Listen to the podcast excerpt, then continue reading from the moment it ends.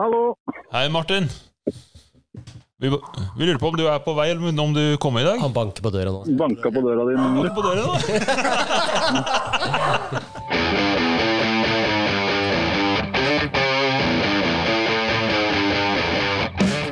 Hei og velkommen til OTB-podden, norsk sykkelpodkast med full fokus på stisykling med generøse dryss av enduro, downhill og lavterskelhuck.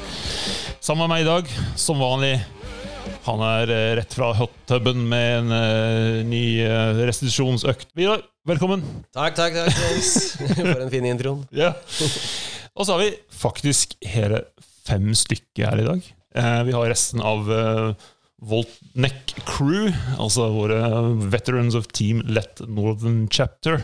Førstemann som er i dag, han er eh, per i dag verdt eh, ca. 11 000 milliarder kroner. eh, Fordi han jobber i oljebransjen. Han er ingeniør, tror jeg. Og eh, geometrinerd og ivrig stisyklist. Eh, Martin Pedersen, velkommen. Takk. Det var helt riktig, og du har vært så mye penger.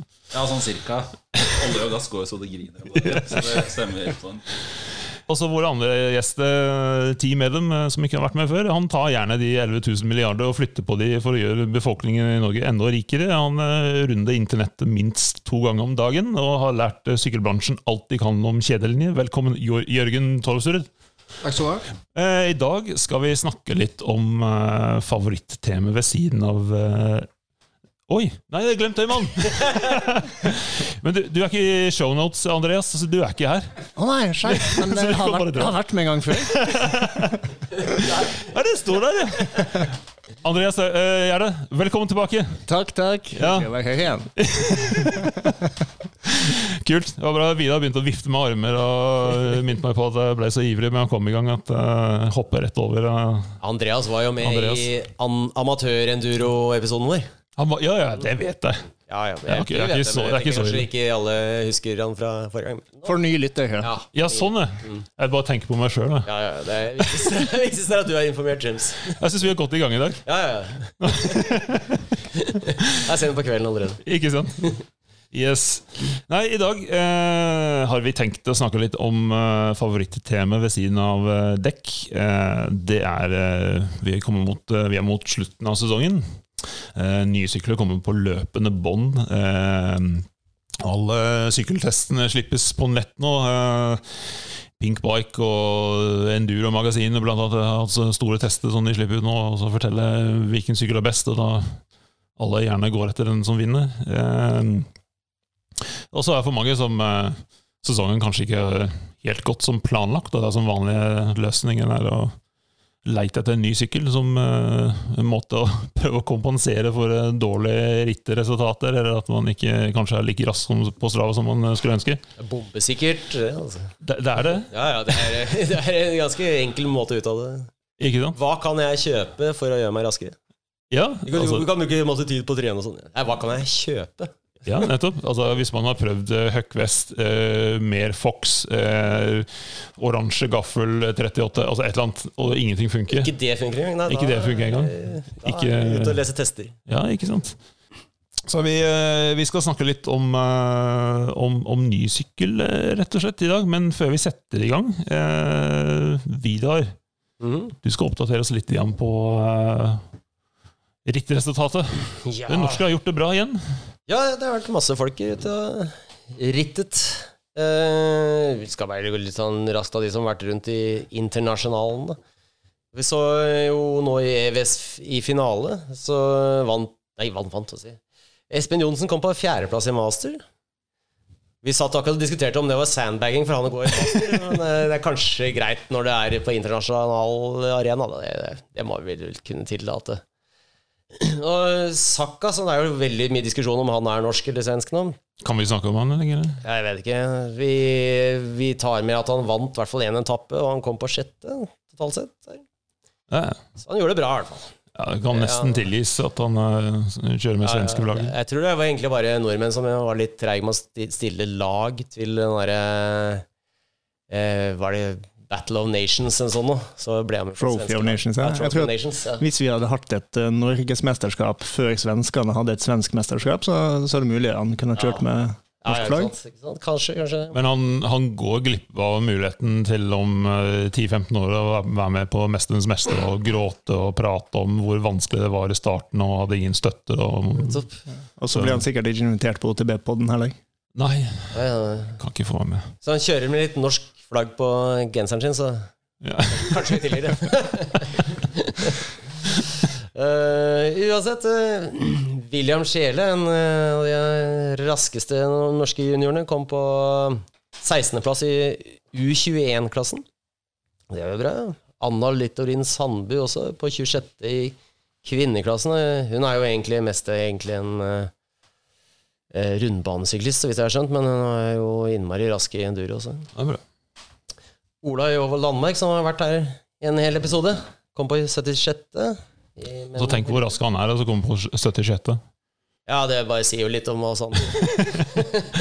Men han sykler med 36-gaffel. Ja, det var ikke så rart. Så, uh, han, Så sjekker han ikke lufttrykk ordentlig. ja, nettopp. Han bruker finger... finger Ja, eh, Det er jo bare det som skulle til. ja, ja. Oskar Omdal sa jeg på 88. Det er flere som er kjappe.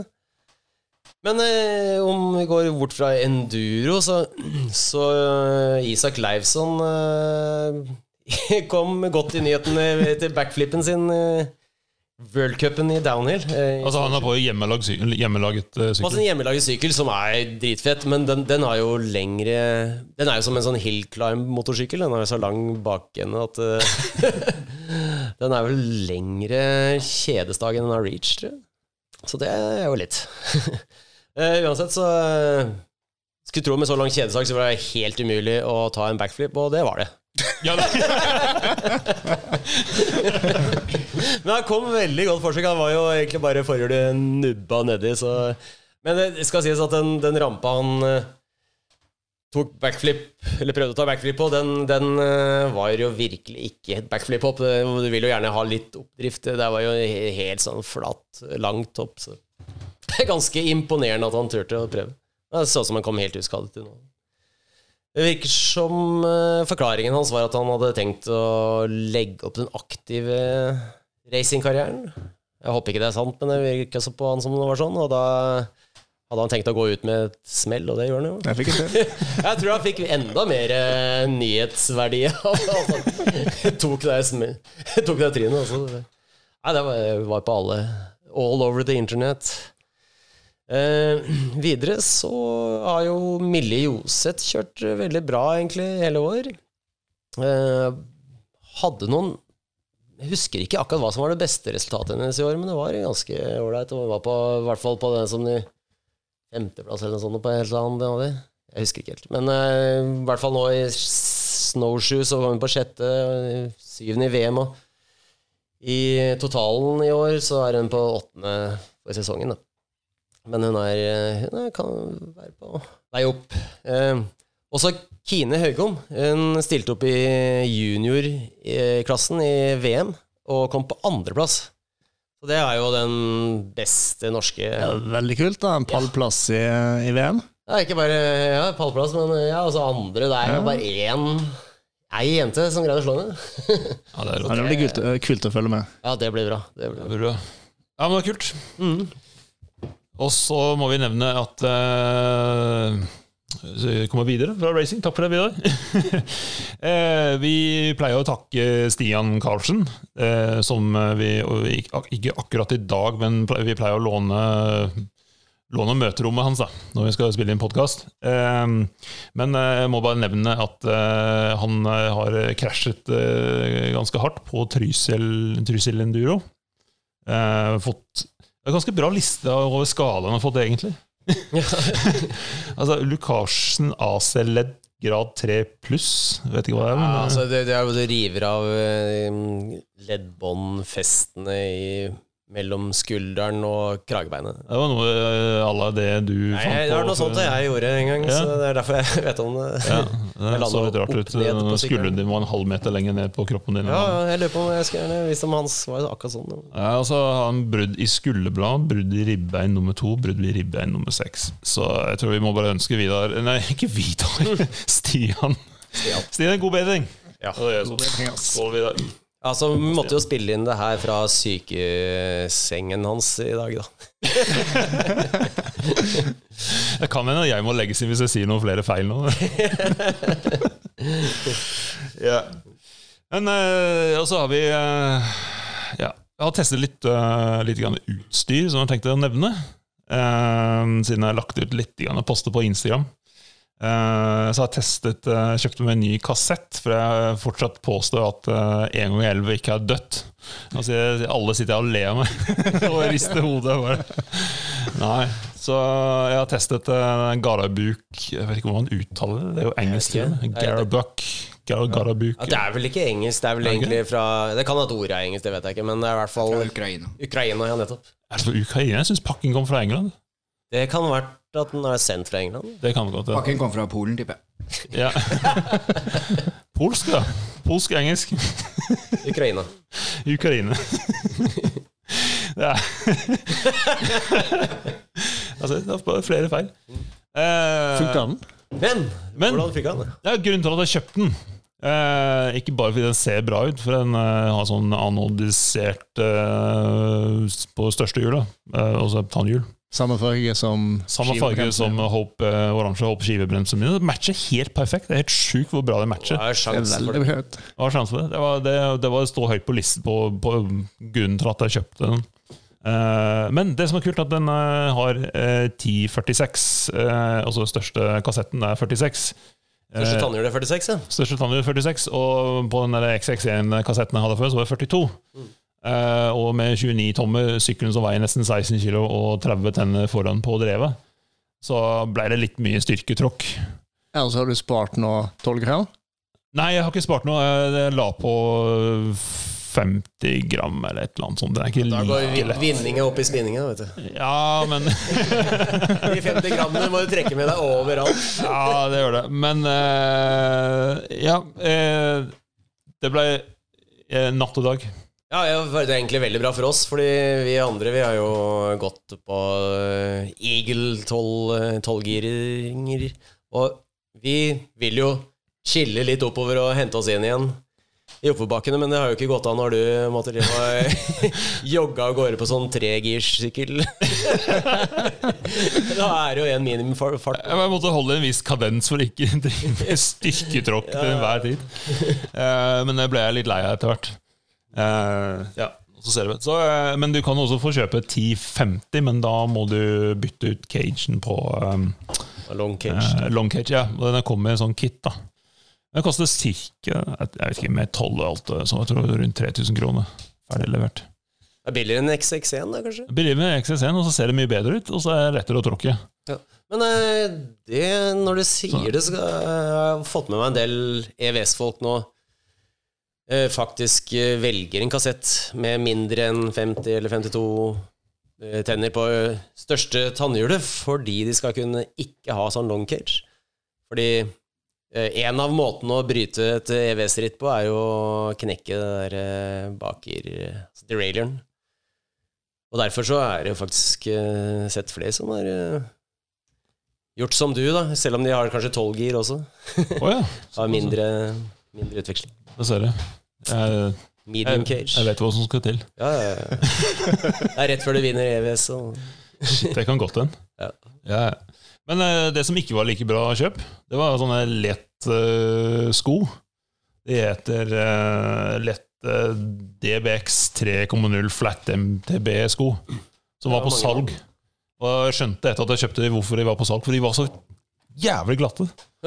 Altså, de var helt ubrukelige. Altså, egentlig så kunne du hatt sko av hvilken som helst type.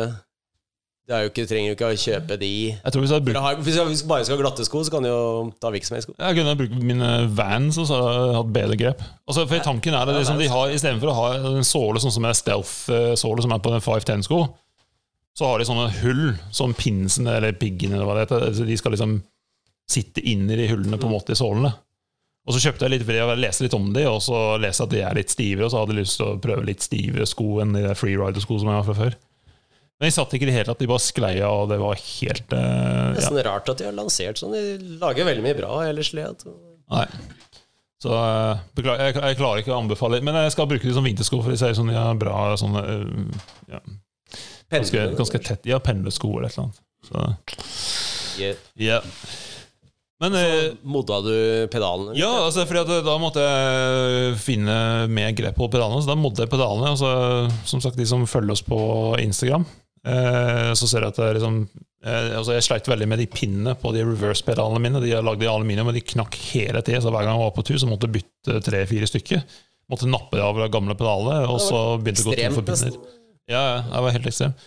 Så jeg fant ut at jeg brukte eh, Jeg fant en sånn mutte-kit fra Biltema som hadde liggende i garasjen.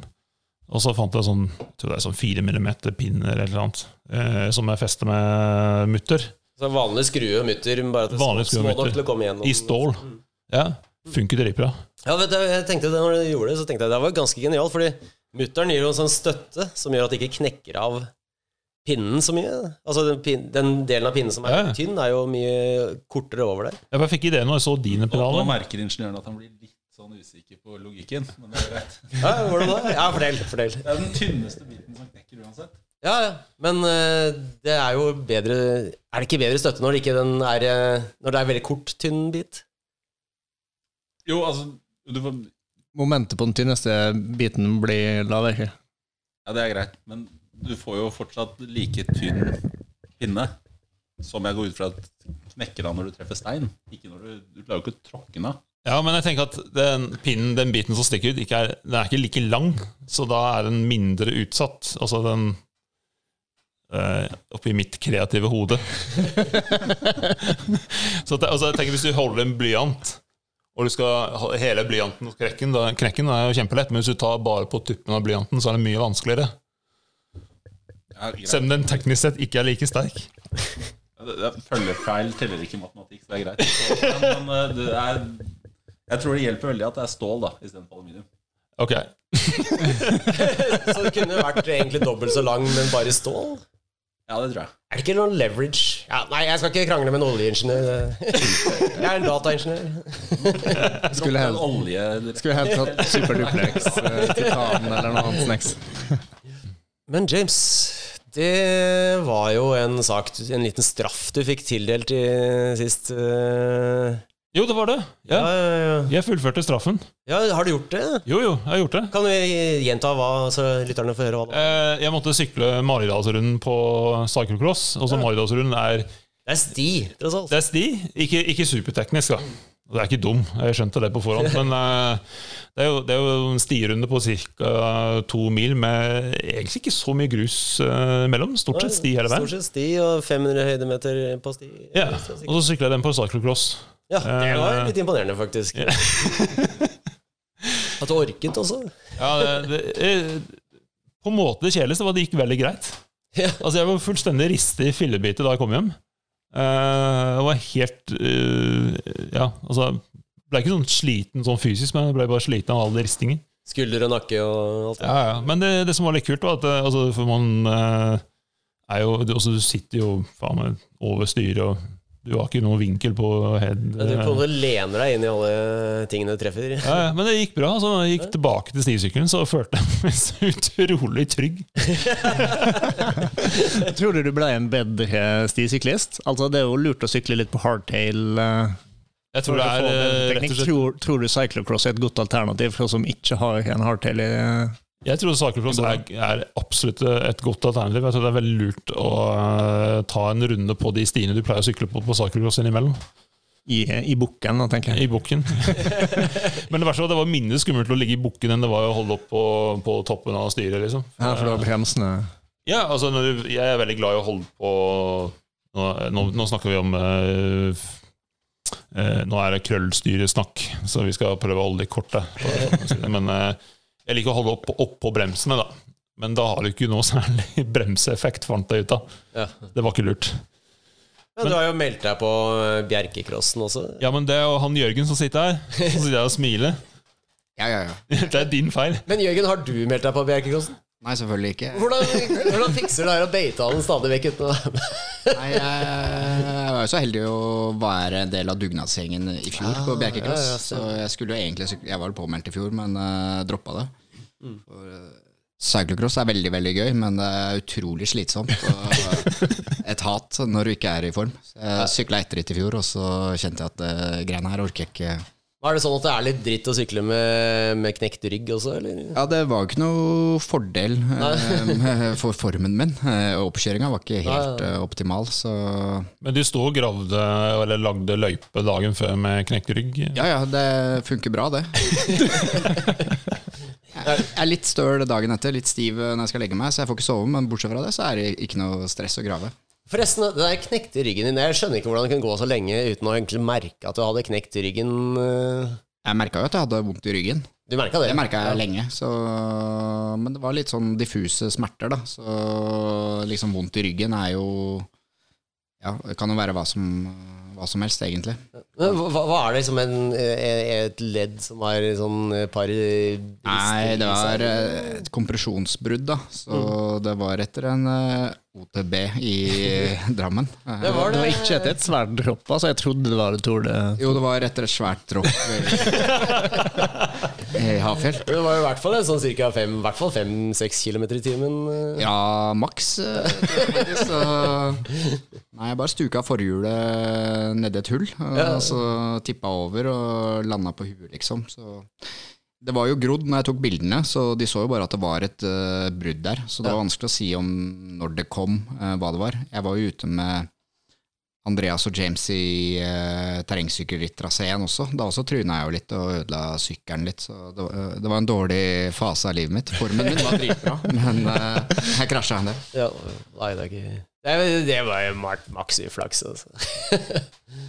Ja, jeg kan, jeg kan skyte inn, da, siden eh, James uh, skal sykle Bjerkecross, så vil jeg oppfordre flest mulig av lytterne også til å sykle Bjerkecross, for å sette på plass eh, landeveissyklistene. Bare vise, vise hvor langt teknikk, god teknikk bærer. For du, du var jo med i fjor også, James. Kan du ikke fortelle litt om hvordan det, hvordan det var?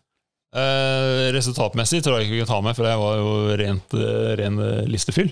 Men eh, teknikkmessig, jeg påstår at jeg klarte én runde uten fot i sett. Ja, Det er bra, det, altså. Ja, så uh, Ja, for jeg trodde at cyclocross var stort sett løping med sykkel på ryggen. Nei, det er helt unødvendig. Oh, ja, det er det. Det er bare jeg som har skjønt det. Ja. Det er. Så lenge du klarer eh, 40 cm bunny med landeveisstyre og high post, så er det bare å hoppe alle hindre. Det er jo ikke tunge sykkelen, men det er ganske lett Benny, hvorfor gjør ikke alle det? Ja, litt under ti kilo, det går fint, da.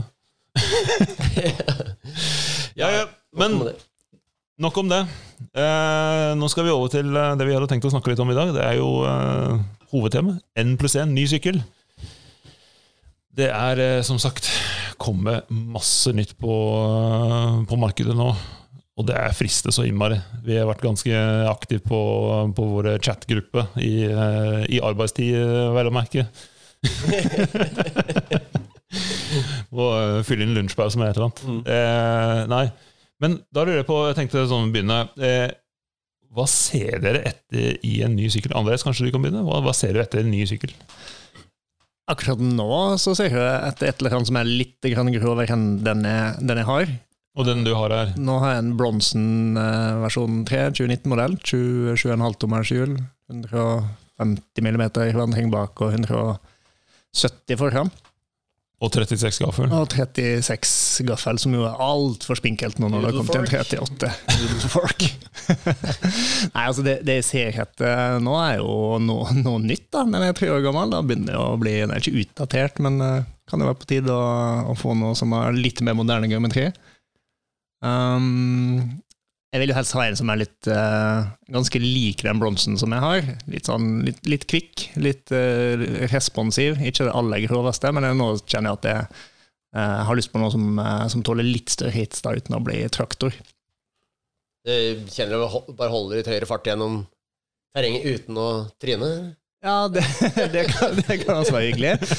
Over litt sånn rødt og sånn, og faktisk klare å holde hjulet ditt videre her og der. Ja, det var Altså, hyggelig. du, du, er, jo egentlig veldig rask, men jeg vet at du har tatt noen smeller i år. eh. Jeg har hatt noen, et par HTB-er som ikke har vært, eh, vært veldig gode. Det har vært stort sett eh, To av dem har vært rene sånn tullefall hvor det bare forhyllet washed out og så over på siden, men, men dette var jo på store røtter, og Mm. hvor jeg tok en, en skikkelig sånn scorpion eh, og fikk bretta ryggen godt opp, og det var fordi at jeg, selvfølgelig fordi jeg hadde lite forhyll. Jeg tipper det var jo Altså, en Møllet hadde fiksa det. Ja, det hadde det.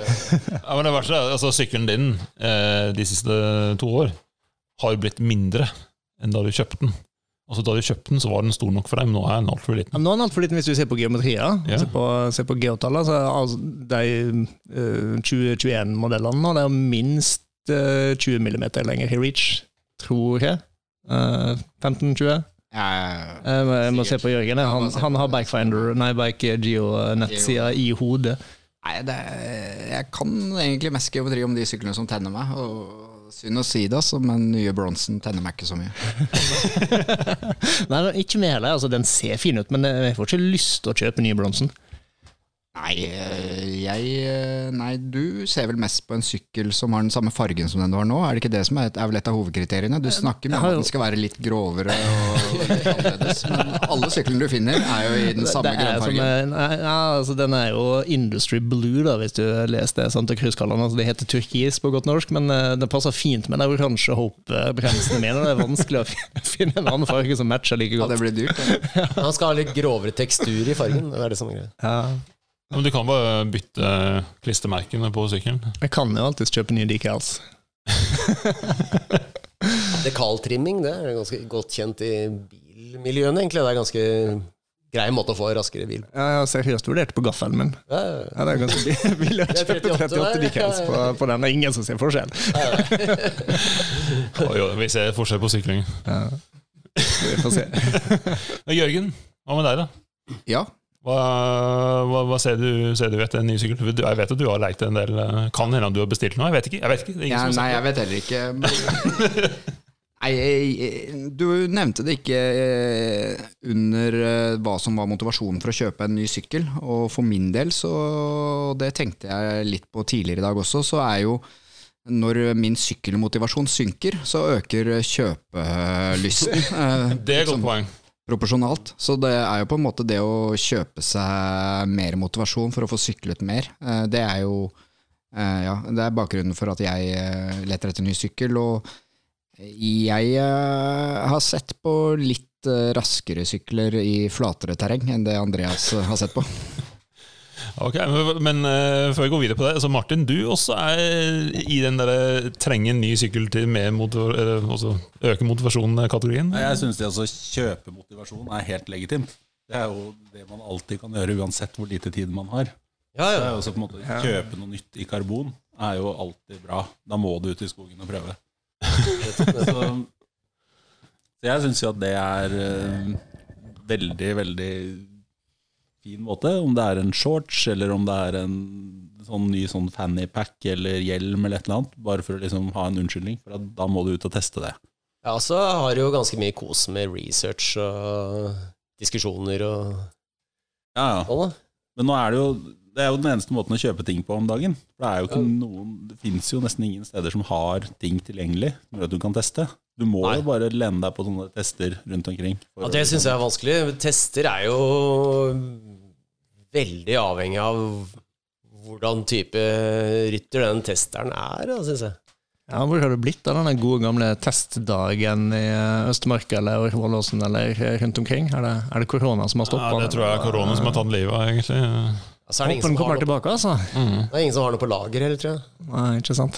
Men hva er, det, hva er det du sykler på Hva er det du har på stallen, i, i stallen nå, Martin? Og hva, Jeg har en Evil Reckoning, den første versjonen som kom. Um, som jeg egentlig ikke har noen ting å klage på. Bortsett fra at uh, den brukes for lite. Um, men det er jo Det er vel den første sykkelen som jeg kjøpte som jeg følte at jeg klarte å få til å gjøre det jeg ville. Det, var, det var veldig gøy. Altså sånn, Prøvde mye sånn Kall det på papiret raskere sykler Mm. som, som på en måte ikke hørte på meg. da. Nei. Men, mens den faktisk gjorde det jeg ville. Og det har fått meg til å tenke veldig mye på den sammenligningen med liksom hvis du skal kjøpe ski, som er kanskje mer sånn lett å omsette. Det er liksom, jeg er helt sikker på at ikke jeg hadde kjørt raskest på ski på skiene til Aksel Lund Syndal. Nei, nei. Det fins helt sikkert en sykkel der ute som jeg hadde vært raskere på, som verdens raskeste hadde vært treigere på. Og Det er den sykkelen jeg ønsker meg, men jeg vet ikke hvilken det er. Det var et veldig godt eh, perspektiv, egentlig. Eh, Det fins jo så mange forskjellige typer sykler som, med forskjellige styrker og svakheter, og egentlig Det vil jo være forskjellig fra rytter til rytter. Ja, jeg jeg også kjenner meg igjen i det der. da. Jeg er sikker på at jeg ville sykla raskere i enduro-ritt eller vært nærmere en, en god topp ti på Strava her der, hvis jeg hadde, hadde gått for en enda grovere typ Megatower 29-tommerssykkel. Men, men jeg har mer lyst på en sykkel som, som er morsom å sykle på, responderer godt og hvor jeg, eller jeg må jobbe litt eh, rett og slett i terrenget. Hvis du hadde blitt raskere, så hadde jo det vært, da hadde det vært greit. Men hvis du blir treigere av å sykle på en sykkel som de raskeste sykler på, Ja, jo, jo, da, men da, altså det, da begynner vinninga å gå opp i spinninga. jeg tenker jeg skal maksimere smil per krone, og ikke, og ikke fart. Ja, ja, ja, men du må Det kjøpe en smiler sykkel litt når som det går fort, da. Jo, jo, men det tenker jeg Du må ikke gå fortest mulig for at det skal være, eh, for at det skal være gøy. Du må kjøpe en sykkel som kompenserer for svakhetene dine.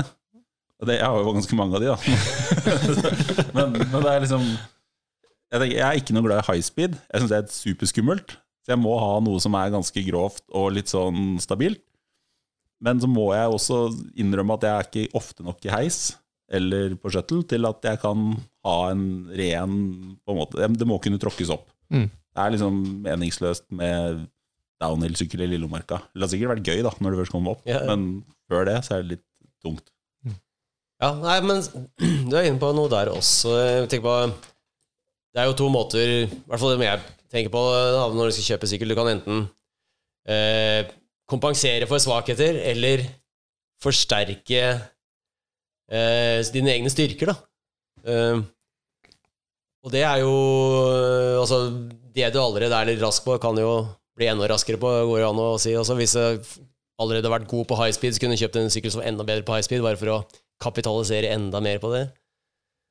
Eh, men hvilken som er eh, riktig metode å velge den sykkelen som, som gjør deg bra, det er jo et eh, annet spørsmål igjen. Altså, du, du, du nevner altså, at en proff eh, som er drit, altså kanskje verdens beste på én sykkel Hvis du hadde fått sykkelen hans, så, så kunne du, tenke at du kunne blitt treigere på den.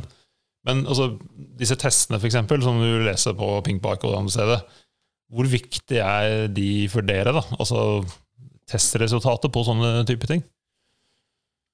De er jo veldig viktige. fordi at det er jo Altså, jeg har jo ikke muligheten til å teste alle de syklene.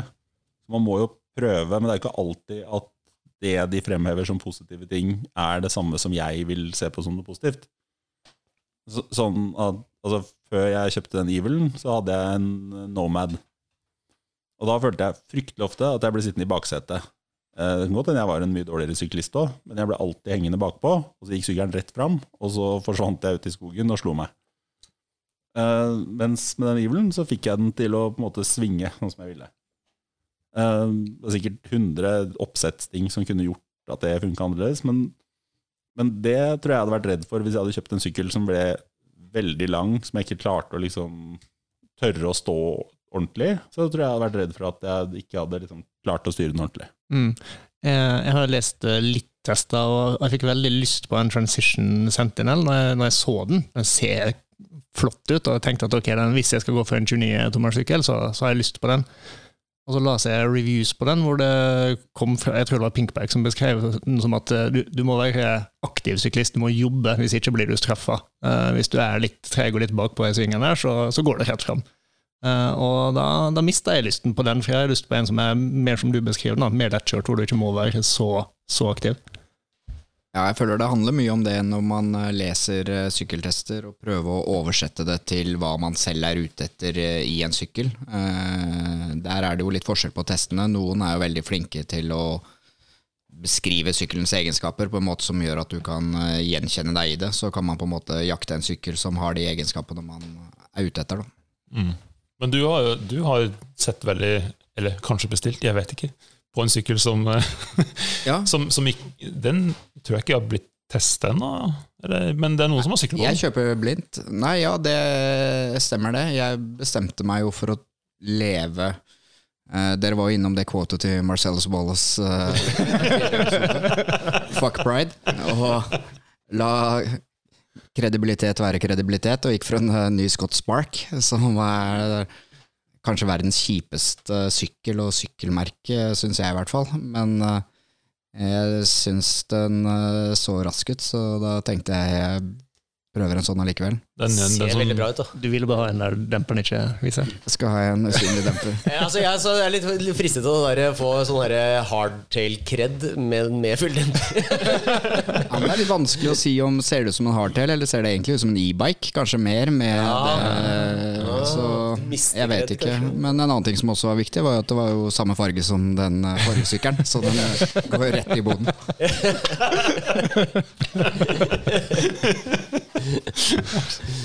gammelt triks. Perfekt. Men eh, det hadde ingenting med at han Nino kjørte uh, sykler på den? Nei, jeg bestilte den jo før eh, Nino vant eh, VM på den. Eh, Nino som er avdanket, gammel eh, Så han ringte deg, og så bytta han, eller? Ja Det var vel ikke helt den eh, rekkefølgen, men eh, jeg kjøpte den før han vant på den. Da, i hvert fall. Det er vel noe. Ja, men driver jo. Men også, hvor, også apropos den uh, demperen som er skjult inn i ramma. Altså, hvor viktig altså, det, altså, Jeg, jeg syns den sykkelen ser dritfin ut, og fikk lyst på den sjøl. Men eh, så leste jeg litt på geometrien og fikk eh, ikke så lyst på den likevel.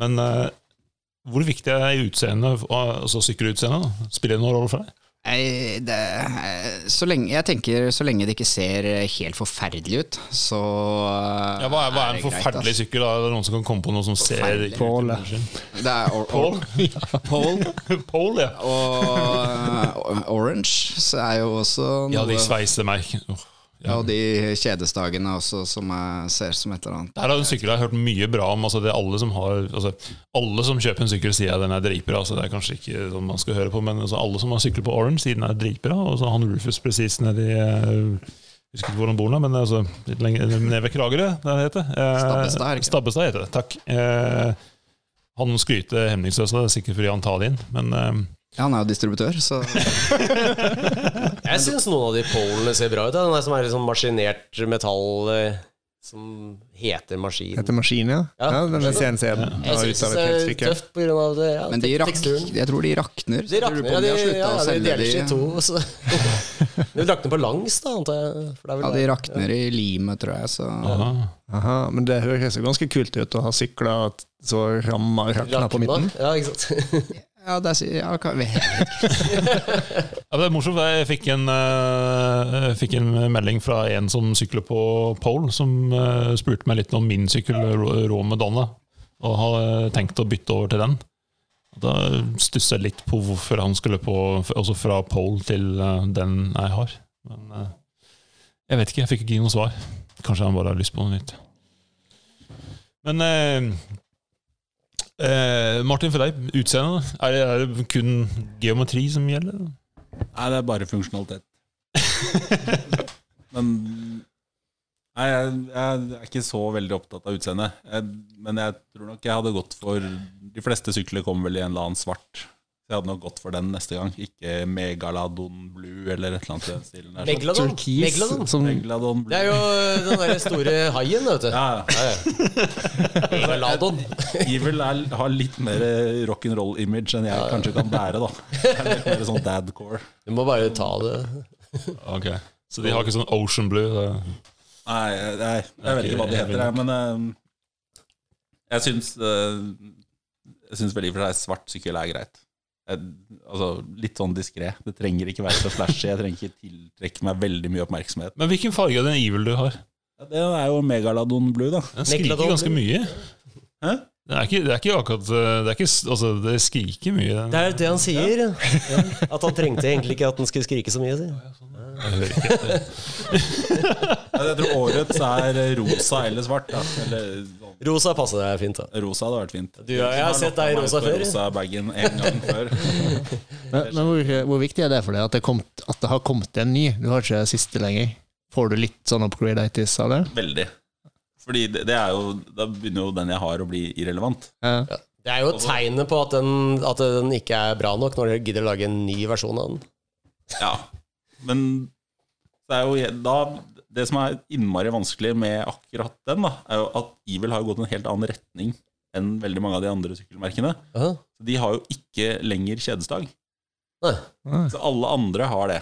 Mm. Uh, og det- er jo, det har, det er jo en av jeg, Der er jeg liksom Jeg skjønte logikken bak å ha lengre kjedestag for å få lengre, eller bedre vektfordeling. Jeg vet ikke Mm. om det er henger sammen med det jeg sier om en lettkjørt sykkel, da. men for meg så hørtes det fornuftig ut om å få bedre vektfordeling. Og I hvert fall siden jeg da kjører på XL. Ja. Hvor, hvor kortere stag er det? 430. Ja, det er kort på en XL, tenker jeg, for da er det sikkert over 500 et eller annet i reach. Ja. Ja. Og tror jeg. Jeg husker ikke helt tallene på det, men, men det er hvert fall, den er jo ganske lang foran, og Mm. den er kort bak. Ja. Og det er jo veldig lekent og gøy. Men spørsmålet er jo om det da blir for drøyt på den nye. I hvert fall i og med at alle andre går den motsatte vei. Hvis ikke så hadde det vært easy. Og så hadde det bare vært å gå for den nye av den man digger. Mm. Men siden de valgte noe helt annet, så må jeg tenke. Og da Nei, ja. bryter alt sammen. Ja, ikke sant? Det, men det, det er der det ha prøvd, da, som er helt umulig, og de går, og får ikke testa noe. Men det er jo noen, noen vi kjenner har en de kan teste, da. det kan jo hende. Men, eh, fordi, fordi, men det, det med lange kjedestag er jo fordi hvis man, man flytter vekt forover Ja. Det er jo det som er greia. Så hvis man ikke er veldig frampå, så kan det jo være lurt å ha lange kjedestag. Ja, Det høres jo i hvert fall fornuftig ut for å få mer press på framhjulet. ja, Med mindre det er skikkelig bratt nedover. Da går det jo av seg selv. Ja, men, da, men eh, jeg vet ikke. Det er i hvert fall Det er vel en av de tingene som på en måte er. Mm. Og så Og så må man jo også si at det er jo liksom Du starta jo i dag med litt sånn racing. Og jeg må innrømme at jeg ser jo litt på hva de som gjør det bra, sykler på. Ja, det gjør vi vel alle, stort sett. Og jeg var jo egentlig hellbent på at jeg skulle ha nukeproof før sesongen. Men hva skjedde med Sam Hill? Hva skjedde? De har fått nye sykler. og sykler sakte. Ja, Ja, men Sam Hill han tok et år fri i fjor. Eh, og bare i koronatiden så var han bare hjemme med familien og kjørte ikke så veldig mye, egentlig, tror jeg. Så det er vel kanskje backslashen, backlashen av det. Men hvordan er det med de andre? Keelan Grant og de andre på samme teamet. Har de bedre eller dårligere enn i fjor? Det har jo vært litt interessant. jeg, jeg er ikke så inne i det. Jeg. Spør du Martin om det? Nei, men jeg, jeg spør åpent, for jeg vet ikke selv. Det går jo an å sjekke hvis man eh, orker. Det er kanskje De er jo da en liten millimeter nærmere vårt nivå enn Sam Hill. Hvis, hvis vårt nivå er to kilometer unna, så er de en millimeter nærmere. Du, eh, Martin, sykkelen din eh, har 472 reach i XL i low stilling. Ja, Det er kort. det er veldig kort. Det er ikke rart du skal ha en ny sykkel. Nei, åpenbart. Men, det veldig slakt eh, Eller slakt sånn setevinkel, da. Så jeg sitter Den blir lang likevel. 74,8 ifølge deg i low setting. Ja, men jeg er tung. Så det blir mye slakt. Da blir Ok.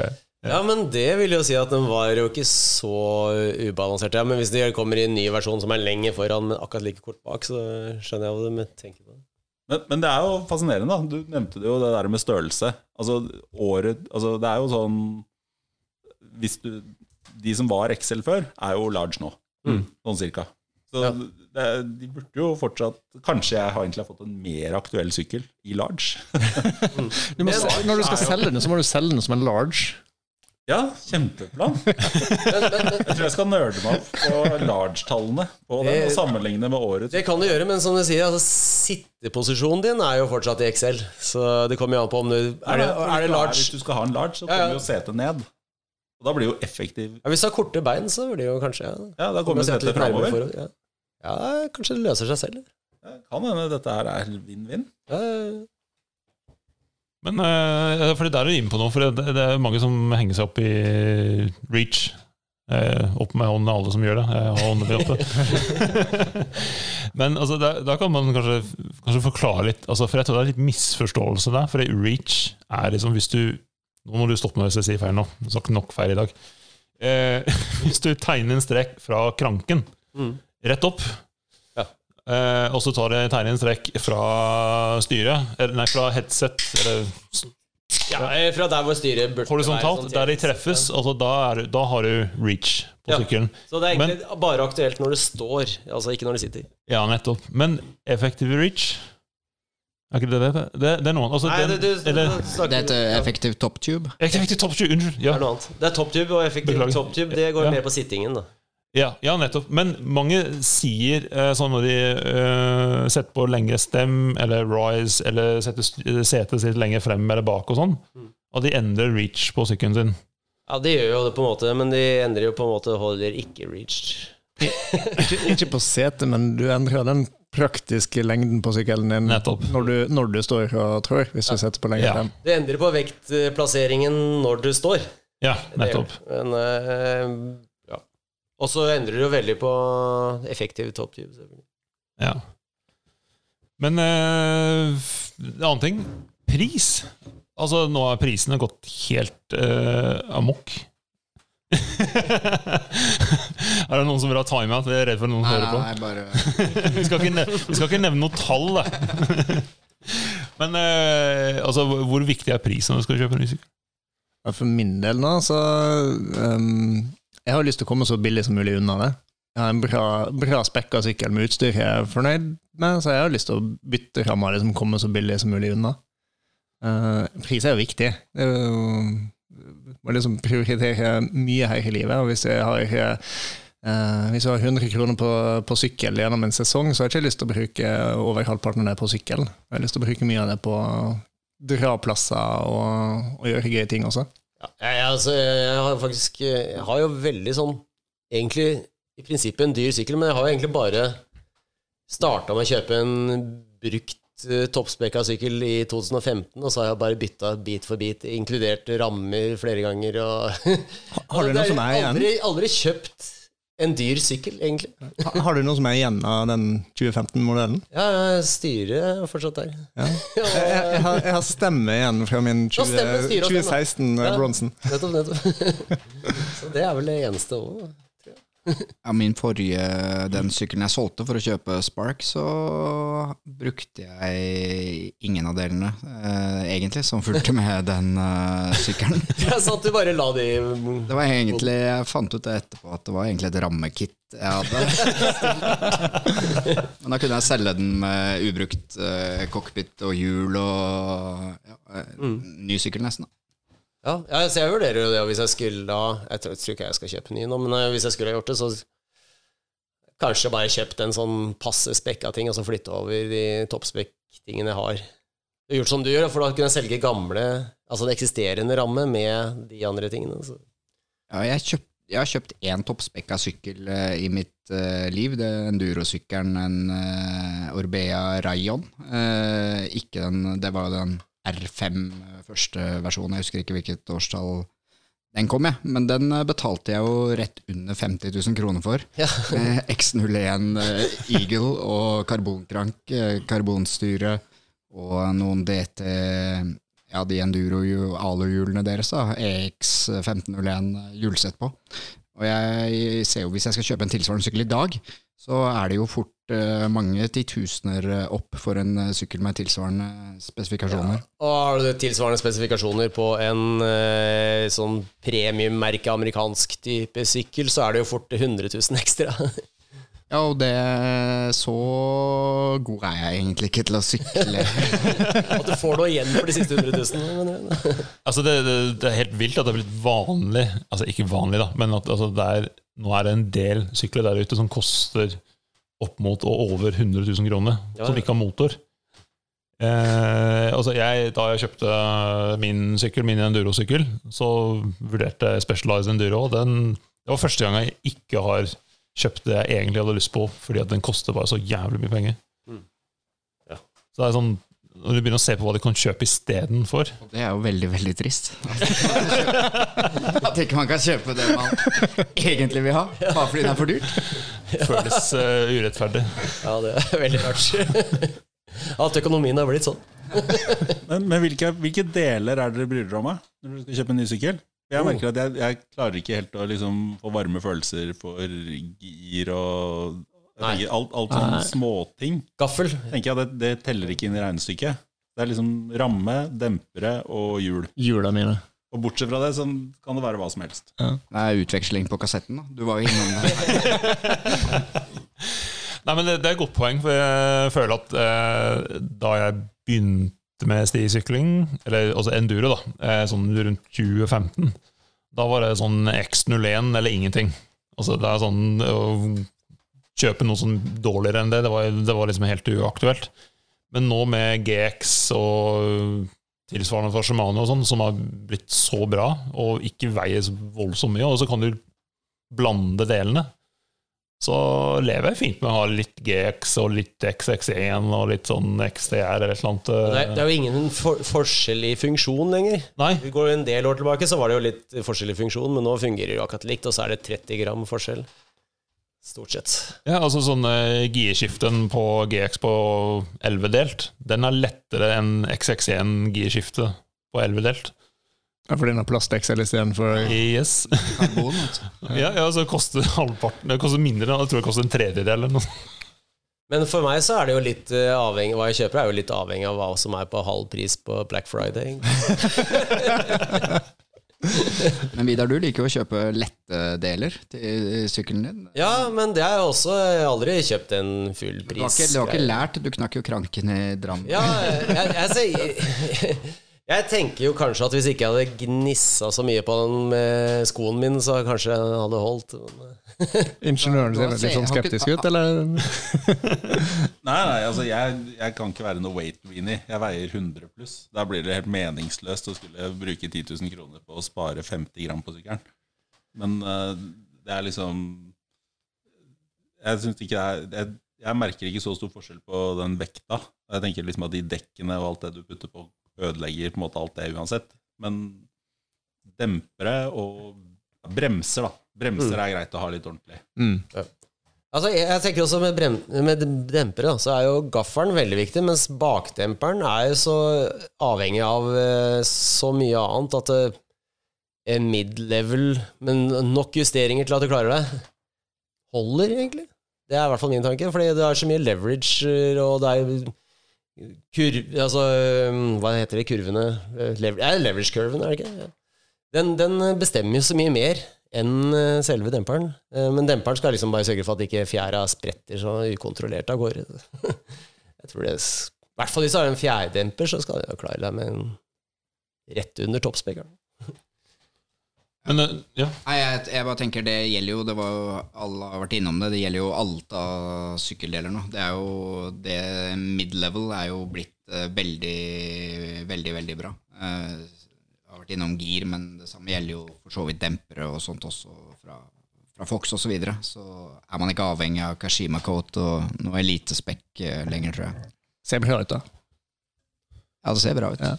Det kommer jo litt opp på det der, for hvis du går mellom den Kashimaen og ikke-Kashimaen, som er men egentlig helt lik, det som er helt lik innmat, så er det nesten bare en tusenlapp imellom. Mm. Så har du Kashima. Mens hvis du skal gå enda litt lenger ned, da, til neste nivå, så sparer du litt tusenlapper. Da. Og jeg sannsynligvis har kommet på akkurat samme plassering i alle ritt. Men karbonhjul, da. Altså det, jeg tror alle mann her har brukt en formue på karbonhjul før, men nå orker jeg ikke mer. Nei, samme her. Eh, nå er det like Nå, er, nå, nå syns jeg aluhjulene har blitt både holdbare og bra. Før så ødela jeg aluhjulene så fort. De bulka Jeg klarte ikke å holde den rette, liksom, men nå, nå er det en helt annen liksom, støtte i systemet. Jeg vet ikke hva som har endret seg. Men Ok, nei, Jeg går på alle hjul da da jeg bulka tre sånne sett omtrent på rad. og Det, liksom- det vil ikke tett igjen uh, rundt, uh, rundt der i bulka. Da er Nei. løst. Ja, men det var det samme, samme her. Jeg ga opp uh, etter en stund. Var bulka. Jeg det gikk ikke en måned engang, liksom. Men eh, nå kjører jeg noen Newman Newman-hjul som tålt utrolig mye deng. Ja. Og det er veldig bra. Jeg har noen Raceface-hjul også som tålt veldig mye. Så. Ja, men det, det er interessant, det, for jeg har jo grudd meg til, eller kvidd meg for at jeg skulle gå opp en hjulstørrelse, for jeg er veldig happy med de, eh, de karbonhjula som jeg har, 27,5 toms. Um, Dog, Ja. Dogstar Bygg fra eh, det, det tror jeg har gått i fem år nå. Jeg, Det er samme som meg, har du ikke? Jeg har så vidt, 60 felger med, ja, med Hope 4 Nav. Um, så vidt sørhvaler og så vidt stramma jeg ikke. Aldri røker noen ting som helst, og det, det har funka knallbra. Jeg er sikker på jeg har tre sesonger til på det før jeg trenger å gjøre noe med det. Du får jo skaffe deg en mellet, da, så du får i hvert fall brukt igjen en av de. Og så når den felgen knekker, så kan du bare flytte fra det andre hjulet. Ja, ja, for sant, sant. Får se om jeg klarer å kjøre hele forhjulet mitt. da. Det, Ja. Ellers så kan du jo fort uh, selge den sykkelen du har med karbonhjul før den podden kommer ut og vi sier at karbonhjul er verdiløse. ja, skal vi ta og stryke den siste, siste delen? Nei, altså det er ikke verdiløst. Jeg egentlig kunne tenkt meg en av de karbonhjulene som kommer med sånn livstidsgaranti, hvor du bare kan ta den med til butikken og bytte og få tilbake igjen. Ja, men jeg har hørt eh, flere som eh, Altså, jeg tenker hvis du skal ha en sånn type garanti, der du, også sånn som med reser- reservehjul, så skal det være sånn at du bare drar et sted, leverer inn, og så får du tilbake der Ja, og da. Ferdigbygd hjul, ikke bare Men en eh, så har jeg hørt eh, mange som er sånn Nei, det, du er uten hjul i, i hvert fall ei uke, som regel en måned nesten. eh, Det er flere som har sagt. Da er jo uaktuelt. Men jeg, jeg, for min del så, så er det Altså, jeg orker ikke å bruke penger på karbonfelge mer, men Nav, det bruker jeg penger på. Mhm. For Ja, du har- ødelagt litt Nav. Ja, Jeg har hatt uh, en god del Nav som er ødelagt. Og da har jeg lært uh, the hard way. At uh, spare penger på det, det, det gidder jeg ikke. Men det, men det, går heller ikke for det dyreste eller letteste. Jeg bare ta det som er bombesikker. Ja, For det, det er um, Hva, hva har du nå? da? Jeg har uh, DT Swiss 350 Nav Uh, på Stands No Tubes CTR Century MK3-velger. Eh, Oh, du huska hele den setningen? Nei, jeg har Og alle som, og alle som, hører, alle som hører på podden, tenker 'Å ja, deg!' ja, Jeg slår opp på PC-en her. Hva slags nipler er det? Jeg har uh, messingnipler, faktisk. Oh. Uh, ja, faktisk. Uh, de husker ikke hva det heter. Jeg vet ikke navnet på den messingnippen. Jeg kommer på Men spiller ingen rolle. Men, eh, men de er bomusikk De har hatt i to år nå. Ja. Og eh, ja, det superfornøyd med det. Så jeg kan ikke skjønne at jeg skal ha noen fordel av å gå tilbake til karbon.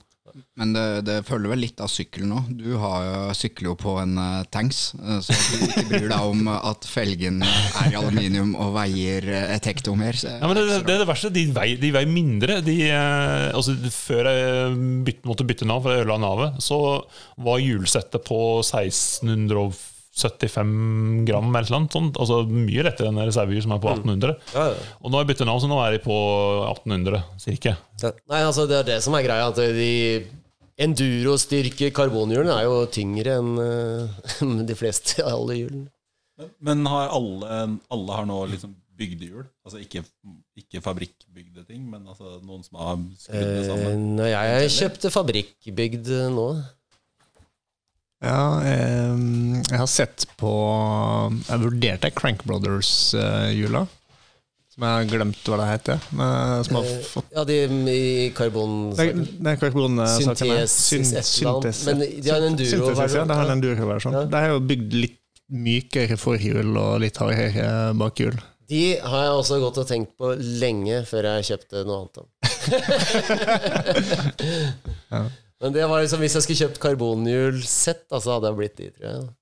Ja, det er jo veldig interessant. Det er jo det samme, er det ikke Zipp også, som har de motofelgene, Ja. som også er ekstra compliant. Men der er det både foran og bak, Ja, tror jeg. både foran og bak. Det er hele felgekonstruksjonen, så de, og de er veldig tunge Mm. på av måten de produseres Ja, det er bare mye tyngre enn noen felg du kan få tak i. Ja, og så de får de til å, for å få det til å føles som aluminium. Er det ikke derfor de Ja, det, det, var, det var egentlig derfor jeg kikka veldig lenge på de syntetiske greiene. Og så kjøpte jeg noe aluhjul til slutt, fordi jeg tenkte Jeg ikke Jeg har ikke samme merke alu foran og bak heller. Fordi jeg tenker at foran og bak Jeg jeg er så enig i det Crank Brothers har tenkt at de, foran så trenger du liksom å følge terrenget, mens bak så trenger du å kunne sparke fra litt på vei ut av svingen, og du må tåle en del tyngde og vekt. Tyngde og vekt, faktisk. Eh, I hvert fall så uansett, da. Eh, så kjøpte jeg da de aluhjulene som jeg tenkte kunne gjøre det samme. Men det betyr at det er bare én mulighet, da. Det er å kjøpe rammesett. Det det Ja. du skal ha liksom annet forhjul enn bakhjul, og du skal ha sånn derre gubaruk, eller hva kalte det? Garbaruk. Gar- Garabar, Garab, Garbarek. Garbark. En sånn ungarsk, engelsk, eh, polsk eh, kassett. dette sitter ikke på noen standardsykler. Det er ingen av de ferdig bygde som har det. Ja, altså, syntetisk syntetishjulene kan komme noen ganger. Ja, det, Ja, altså, det, det, jeg, har, jeg har sett på en propane-sykkel, De det. og de har de Crank Brothers-hjula. Mm. det, det har jeg vurdert å ikke kjøpe bare men å kjøpe en uh, ja, fullspekka sykkel, og så bare flytte over de delene kan til den ramma jeg skal selge, og så selge den med Propane, der kan du velge veldig mye selv. Da. Ja, det er utrolig bra Mm. konfigurator, så du kan, du kan velge absolutt akkurat den spekken du vil, ut, utenom 38 gassfell på den sykkelen. Det den eneste egentlig blir. Jeg sendte, jeg sendte jo mail til Propena og spurte kan jeg få den her med en 38 gaffel, og da sier de nei, nei, nei, nei. det er en Tai jeg ser på. Da sier jeg nei, da må du opp på Spindrift. Den har 38. Det hjelper meg ganske lite, da. Så, Er det, Den, sier at du bestiller Tai, så du er ikke verdig en 38-gaffel. Ja, eller så sier de slutt å, slutt å tulle, du, du trenger ikke en 38 gaffel på en sånn sykkel som det er. er det, er det Tai, eller er det Spinnerud som uh, det- Remi Metallier sykler på? Han kjører, sikkert på alle, men han har Ja, hatt noen veldig kule videoer om der kan han mølle etter sin Tai. Han, kjører mye, han har kjørt mest på Tai, men han har begge deler, og for så vidt den Downer-sykkelen nå. Vi må sjekke. og- Ja, for nå nevner du noe veldig viktig. Fordi enda viktigere enn tester er jo promovideoer. Ja, ja, ja. Defin- definitivt. og så, altså, Vi var jo inne på det, vi ser jo på hva folk sykler på, hva proffene gjør. Og, og jeg identifiserer meg litt med, med Remy Metallier. Og da hopper han Terry Whistler. Da. Så, så jeg tenker at når han kan, kan kjøre det på sin møllet, så tenker jeg at det kan det gå for meg òg. Altså, jeg begynte å få sjukt lyst på Norco eh, fordi Steve Vanderhook eh, sykler på Norco. Da, da, begynte da begynte jeg å få veldig veldig lyst på Norco.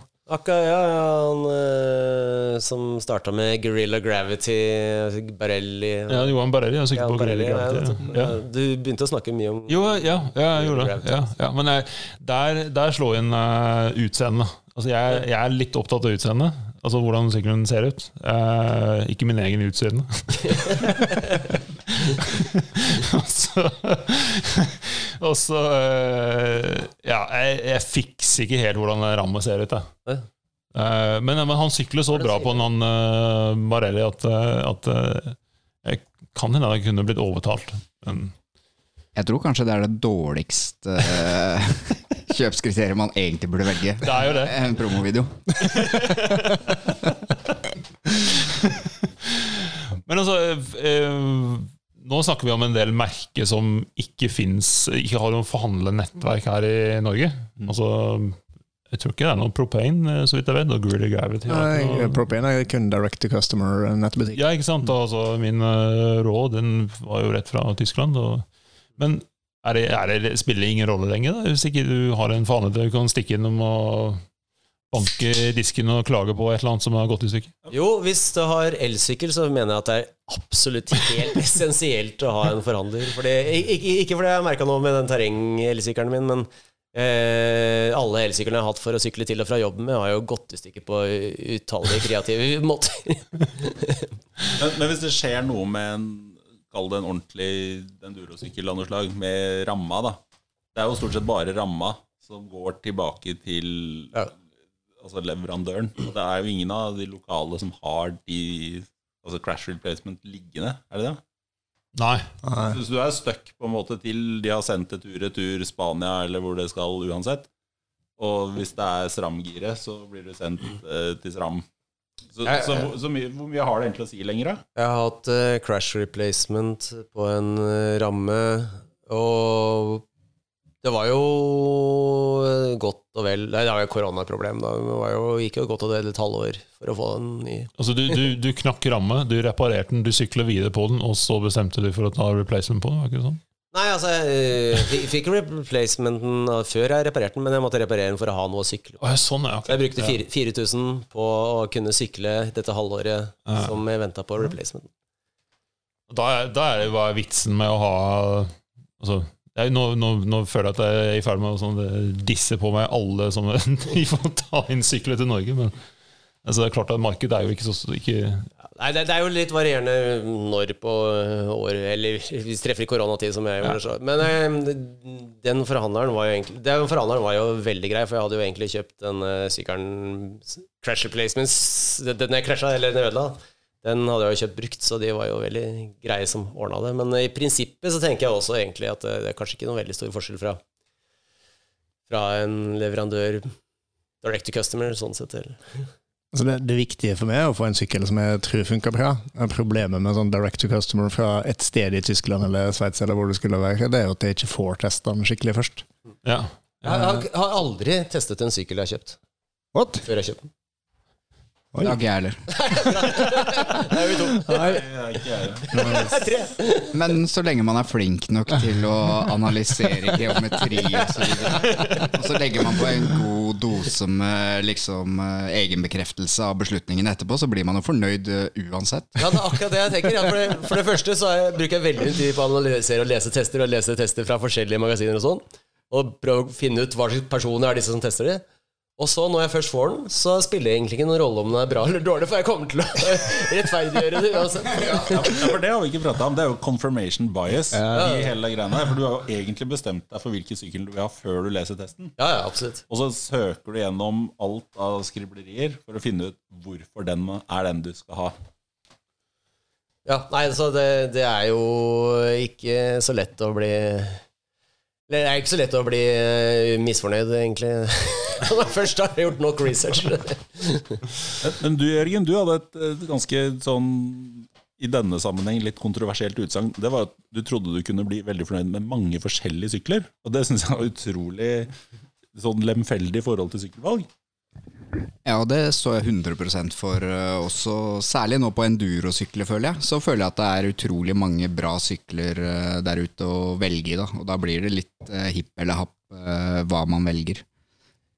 Ja, jeg er enig i at det er utrolig mange som gjør mye av akkurat det samme. Ja, det- gjør det vanskeligere å velge, syns jeg. da. For det, det er jo mye bra å velge, så det blir jo litt sånn Du er jo sånn eh, Ja, da havner du på sånn farge på ramme. Ja, det skal være det koker ned til har, klar å få en til som er turkis med et litt annet navn, som matcher de tur eh, oransje hoppbremsene mine.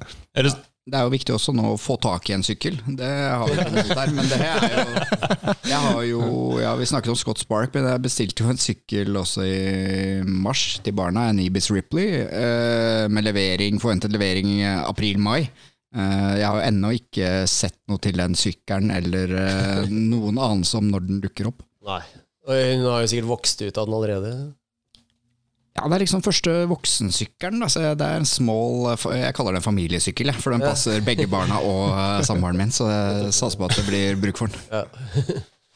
Nei, Eller så kan du gjøre sånn som meg, som eh, eh, jeg bestemmer for en sykkel. Så leser jeg de testene, og så overser jeg litt de negative eh, ting om den sykkelen. Bortforklarer.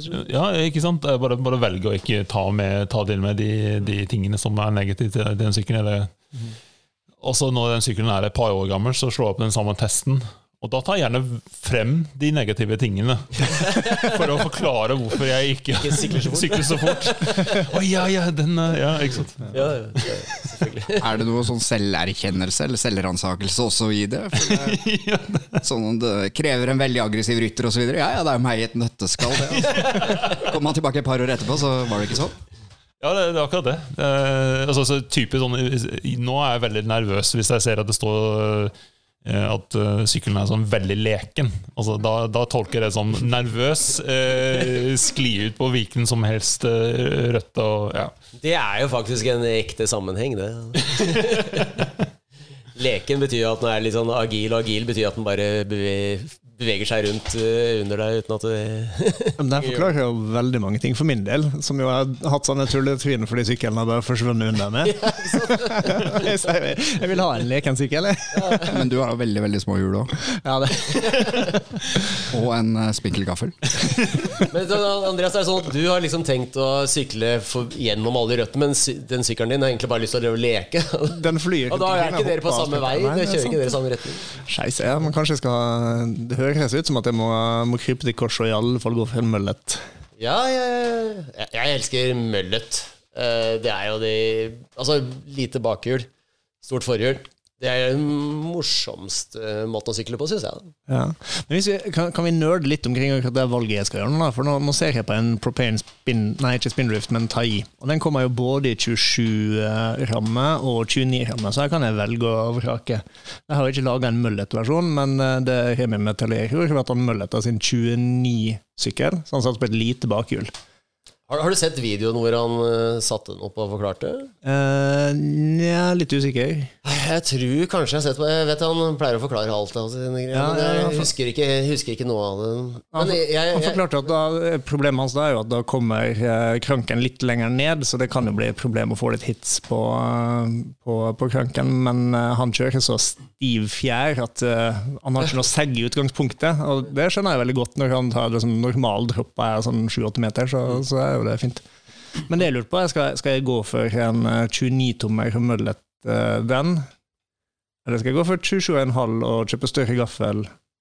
ja, nei, altså, det, det jeg Jeg har jo gjort det fra 27,5 eh, Nomaden som jeg hadde. Og det som jeg måtte gjøre, var jo at jeg måtte gå ned på vandringen på gaffelen. Så jeg tenker hvis du har en 27-sykkel som har litt sånn lengre gaffel enn vandringen bak, så er det på en måte mer inviterende. Altså, se på GTSB SP 165, den har vel 180 gaffel, altså 165 bak. 173. Ja, ok. Den kan kjøres 180. Det kan ja. Ja, og, og, og da kan det jo liksom gå ned 20 millimeter på gaffelen, og likevel eh, Likevel ha ganske matchende foran og bak. Mm. Så det kommer litt an på hvilke Du må gjøre noen kompromisser når ikke sykkelen er bygd for det. Mm. Uh, og jeg, jeg på Nomaden så hadde jeg 180 gaffel, for den støtta jo det. det var, og den uh, uh, Den satte jeg egentlig bare i high. Den kunne kjøres i low og high, altså bottom bracket. Og så satte jeg vel på 2,6 dekk bak også, for å gi litt ekstra høyde. For det problemet at den kunne Nei, nei, vel nett når jeg tenker meg om eh, Nei, jeg måtte jo Jeg liker at du driver og anbefaler hva André skal kjøpe basert på at du har bygd om en sykkel til en mullet som ikke var designet som mullet. Ja, men det er det han skal confirmation gjøre. Det er det bias. ja, men den ble, jo, ve- den ble jo veldig bra.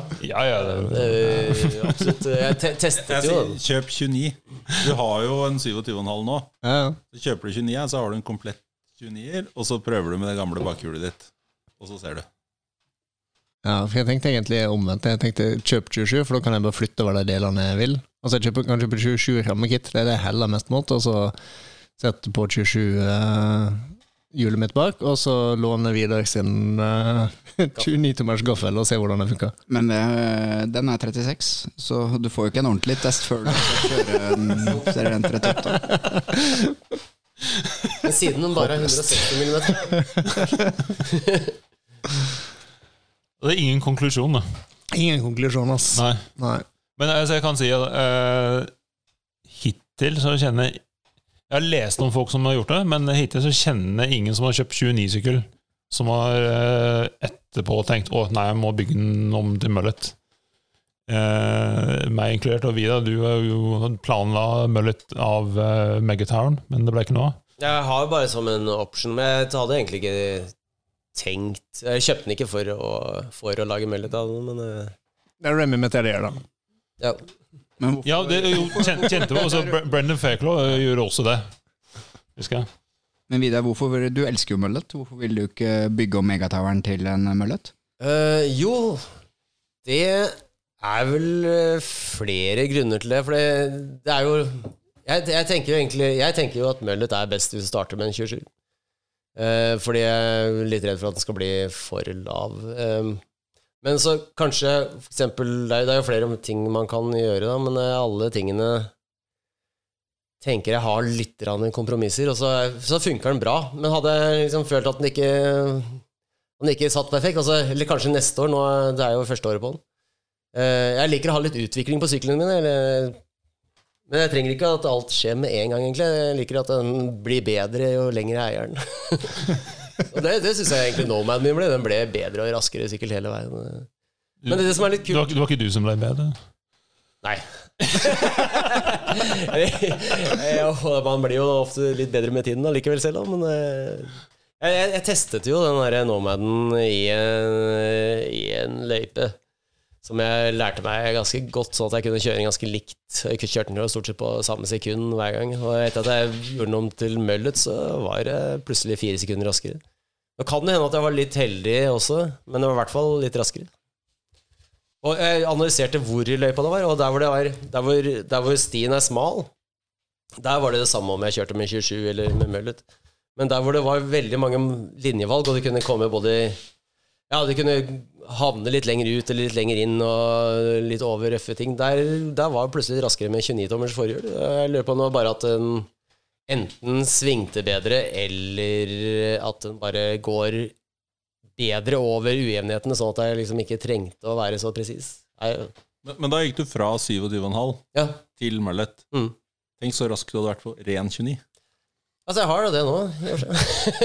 og nå, nå tok du jo en eller annen kom som hang Ja, høyt ganske nylig. Som jeg siklet på lenge, men eh, det, det, jeg, det der eh, tror jeg ikke Altså ak Akkurat idet jeg bytta til megatæren fra Nomaden, så jeg, følte jeg ikke at den ble spesielt mye raskere akkurat da. Men det kan jo igjen være at det tok tid å venne seg på det. Jeg syns eh, Med en gang jeg satte meg på en ren 29, så syns jeg at det var som å sitte på en slags traktor. men det kom, venter man seg fort på. Men hele den derre ny sykkel-edition av OTB-poden i dag, det er egentlig bare meg og Andreas da, som skal ha ny sykkel. Eller? Ja, altså Jørgen har jo Jørgen har, Jørgen har jo kjøpt, kanskje- men han har jo allerede bestemt seg. Jeg har to sykler på vei, men man er jo strengt tatt Er man ikke alltid litt i kjøpemodus? Eh, I hvert fall som middelaldrende mann, eh, liksom 40 pluss. Jeg, jeg tenker alltid på det. Altså, jeg, er, hele tiden så er man i en form for kjøpsmodus. Nei, jeg, jeg vurderer seriøst å, seriøst å, å selge gjeteren min til André, så han vet ikke ennå, men han skal kjøpe den. Eh, fordi at sykkelen nå, nå har Ja, for du er XL. Jeg er XL, jeg- så nå er er den stor nok Nå er den riktig størrelse for deg. Ja. Eh, Helt ubrukelig for meg. Den er krympet i boden, rett og slett. Men, eh, men hva har skjedd med, med head angle på den de siste tre årene? Har den blitt litt mer down country-slag? ikke? Det er jo bratt som en uh, cyclocross. Ja, Det er altså, veldig fin sykkel. Jeg den. altså den, den har blitt ødelagt av Madonnaen, rett og slett. Fordi altså, jeg merker når jeg bytter mellom Eduron og, Enduroen og, og Yetien, og gjett det er da en SB100? SB100, ja. Eh, så begynner det Det begynner å bli vanskelig og vanskelig å bytte mellom de to syklene. For jeg, altså, jeg var jo på tur med den for ikke så lenge siden, og den føles veldig kort. Og så begynner jeg å lese på noen tester og se på geometrien, og sånn, og så blir jeg helt overbevist at nei, den, eh, den begynner, det er på tide å bytte den ut. Ja. Fordelen for meg er at den er riktig farge. Ja. Sklir rett inn i boden. ikke sant? Så, så jeg har um, Jeg har vært innom og vurdert uh, Transition Spur, uh, men lest noen tester om den og mistet litt lyst på den. Så nå Jeg tenker fortsatt den er ganske kul. Ja, den er jo det, men ja, jeg vet ikke hva jeg skal Jeg så litt på Scott 900. Og, Men du må finne bruksområdet ditt. Hva er det du skal bruke en sykkel til? til? Å ja, det spørsmålet tror jeg noen har glemt å stille før i dag. Ja, fordi Precision spør ja, men den ser jo kul ut. Og så Jeg vet ikke, hva, hva skal du med en ny eh, Skal du ha en ny ryttfulldemper, eller skal du ha en downcountry lett stisykkel? Nei, altså, jeg tenker en uh, downcountry stisykkel som uh, passer til uh, terrengsykkelritt og sikkert litt andre typer ting. app. du, det- downcountry-sykkel, du trenger ikke det i, i terrengsykkelrittet. Du som er så god teknisk. Nei, men eh, utenom terrengsykkelritt så vil jeg ha en sykkel som jeg kan ta frem på de lengre turer, der jeg kan svinge innom ganske grove stier og kanskje sykle en del av det jeg pleier å sykle på en durosykkel. Ultrabirken igjen, eller? Jeg har lyst på Ultrabirken igjen nå, men da ja. Jeg er med på alt når jeg får ny sykkel. Det var derfor jeg kjøpte den. Nei, men alt er avhengig av at Andreas eh, kjøper gjeteren min. Så. Ja, jeg, skal. Du har testet den en gang, og du var litt imponert. jeg er veldig imponert. Nei, altså Akkurat nå så er jeg jo på sånn snitt én sykkeltur i uka. Da, da tror jeg jeg klarer meg veldig lenge med en ny endurosykkel. Det Bare det karbonhjulsettet følger ikke med, bare sånn du vet det. Uh. Ja, nei, jeg, spurte jo samboeren min hva, hva er liksom parametere som bør være med i et sykkelvalg, før jeg gikk hit for å spille inn pod, og hun sa at eh, det er viktig at eh, den kan trekke barnevogn, altså sykkelvogn, tulevogna, og at eh, du må ha plass til det der Fivastar barnesetet frampå. og det er faktisk helt riktig. Jeg kan ikke kjøpe en sykkel hvor jeg ikke får plass til, til hun som blir, blir et år til neste sesong på frampå der. Den må, den må med. Ja, du må ha med reach, så får du plass til den der seteopplegg. Godt poeng. Ja, Godt poeng. ja. Ja, jeg trenger mer eh, rom framme i cockpiten og lengre reach for å få plass til eh, Men med 29 så blir det kanskje litt høyt og skummelt for barna, så kanskje det er Ja, bedre er med 27 egentlig. Kanskje må ha litt lavere gaffel, eh, rett og slett. Må, kanskje må kjøpe en talas? For å kunne heve og senke foran. Men eh, det er kommet eh, altså, Årets snakkis eh, Det er ikke noe nytt, på en måte, men det har fått en sånn renaissance. Eh, high pivot-sykler. det begynte å dukke opp eh, flere og flere, og jeg skal innrømme sjøl når jeg først så de, spesielt den Norcon, eh, for jeg vet at han Steve Van skal sykle på den. Det er litt forelskende. Nei. Men eh, jo, eh, ingen som har vurdert eh, en sånn, de som vurderer endurosykkel. Jeg syns det er så stygg at jeg har ikke lyst på den. Det- er utseendet er viktig for deg. Ja, altså, eh, den eneste jeg har tenkt å sett OK ut, var den eh, Det var kanskje Norcon, eh, som ser litt, mm. har den litt sånn skjult eh, øverste tannhjul. Ja. Jeg, jeg så jo Kom tilfeldigvis borti den der nye Cannon-delen, som også er Ja, hyperpivot. Ja. Det tror jeg er den første Cannon-delen jeg har liksom seriøst vurdert. Den Ja. synes jeg så kul ut. Ja Candle Jekyll er litt tøft, den. altså Ja, jeg syns den, Den har så kul ut. Men Gravity Cavity, som den har gjemt eh, demperen sin. Det, det er sikkert eh, Jeg antar at Jørgen har bestilt den allerede. Nei, jeg har faktisk en Candle hjemme. Jeg skal aldri ha Candle igjen. eh, Det er alt Men har du ikke sett på Gravity Cavity? Den jevner også, jevner også demperen, sånn som du pleier å gjemme bort demperen. Nei, det, men det er for mye proprietære greier med Candle, Altså, så selv om de ser bra ut, så vil ikke jeg kjøpe det igjen. i hvert fall Gravity cavity, da får jeg ikke noen assosiasjoner med sykkel. Nei, men jeg, jeg, jeg hadde ikke bare hivd meg på en enduro-ritt en gang iblant, men hadde hatt som en sånn satsingsområde, så tror jeg faktisk jeg hadde gått for en high pivot. Ja, for Hva er fordelen med high-pivot? Det må vi forklare, for det er kanskje ikke alle som Hva er high pivot? What is a high pivot? High pivot er eh, Ja, vi kan gå på eh, hva det resulterer i. Eh, Opphenget er justert sånn at du hjulet går litt bakover når det treffer. Så det sånn gafferen, Forhjulet gafferen går jo bakover. Men i hvert fall hvis du har litt sånn slack-sykkel, så går den jo bakover mot deg. Mens bakhjulet, når det vanlige opphenget går der, så går den egentlig forover. Så du treffer en stein, så går den faktisk mer inn i steinen. Altså, demperen hjelper deg egentlig ikke så mye. Altså, du smeller jo egentlig bare dekket inn i det. Mens med en high pivot-sykkel så går bakhjulet litt bakover når du treffer en stein, og da vil det jo gå lettere over, og du får jo egentlig mindre rullemotstand i grovt terreng, kan du si. da. Mm. Hvis det går an å snakke om det i det hele tatt. Eh, og den Den har en god del fordeler sånn, og de halvparten av min, over halvparten av syklene i downhill worldcupen nå er jo high pivot. Alle kommer inn med. Norco Range, faktisk, som er en durosykkelen, har jo faktisk dukka opp i worldcup downhill nå med dual fork Hva heter det for noe? Dual crown fork? Ja. Mm. Uh, Og Brage har fått seg en GT Force. eh, GT Force, ja, nettopp. Så, mm. Mm. Brage Vestervik. Uh, så det, det er en fordel i en del sånn terreng. Ulempen, da? Det er noen ulemper. Ulemper, ja. Det high pivot Fordi den beveger seg sånn, så vil du jo strekke kjedet for mye, sånn at det vil jo knekke av kjedet.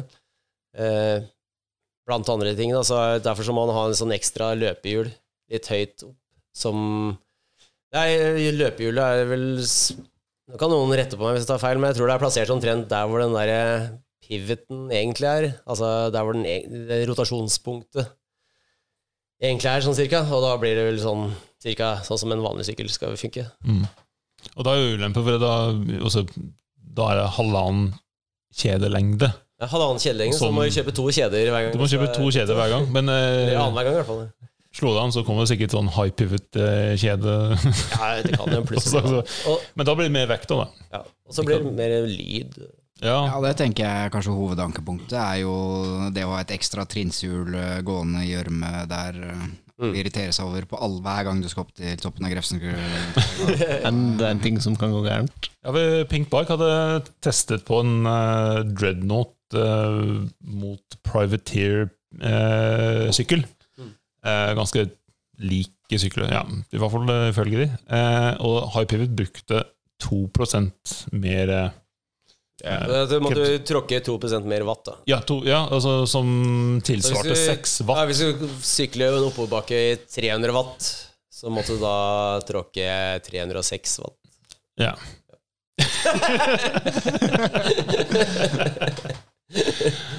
ja, men altså, for oss som sitter på å rulle, Jørgen, du vet, det er 6 watt ekstra, det er mye, det. Det er fire uker eh, nede i kjelleren. Rulla det.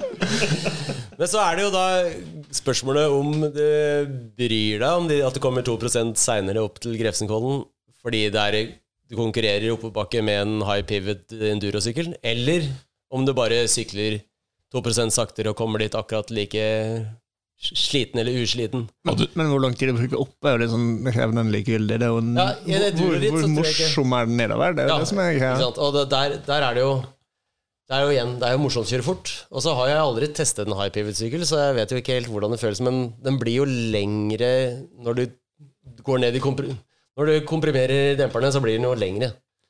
Og ja, men hadde du spurt meg det her eh, midt i Drammen Enduro i år, med senkepinne som hadde gått i stykket, og så hadde jeg måttet tråkke 2 ekstra, da tror jeg kanskje ikke hadde klart å fullføre. Det kan jeg skrive under på, som sykler ved siden av deg opp de lange bakkene. Men eh, du hadde altfor uh, tung utveksling. Og der, du hadde ikke fått satt på ikke Garbaruken, ja. eh, din heller. Så du Nei, nei, da hadde jeg måttet taue det.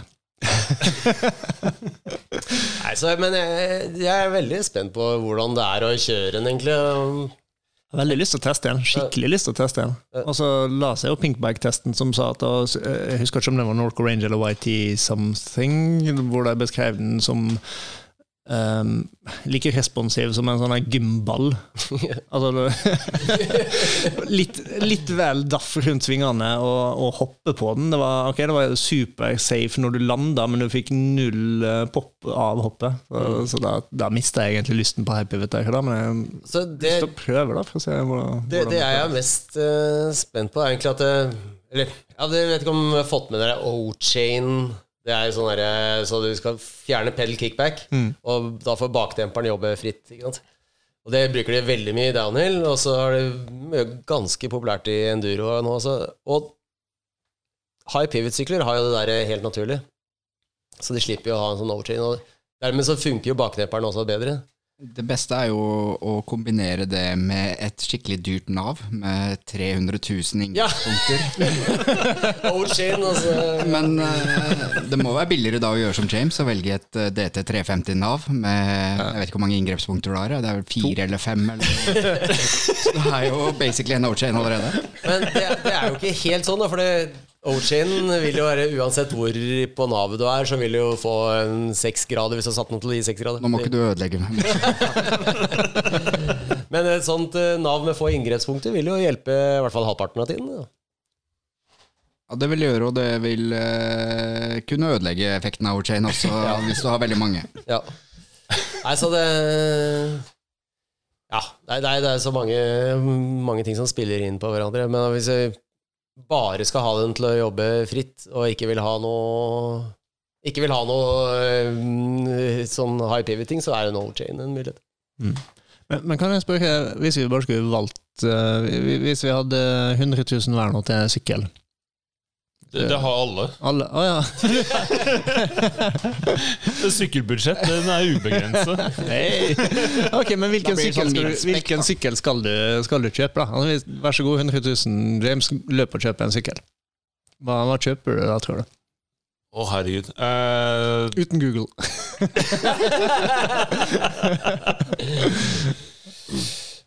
nei, jeg, jeg tror jeg hadde endt opp på en Specialized uh, Enduro S-Works.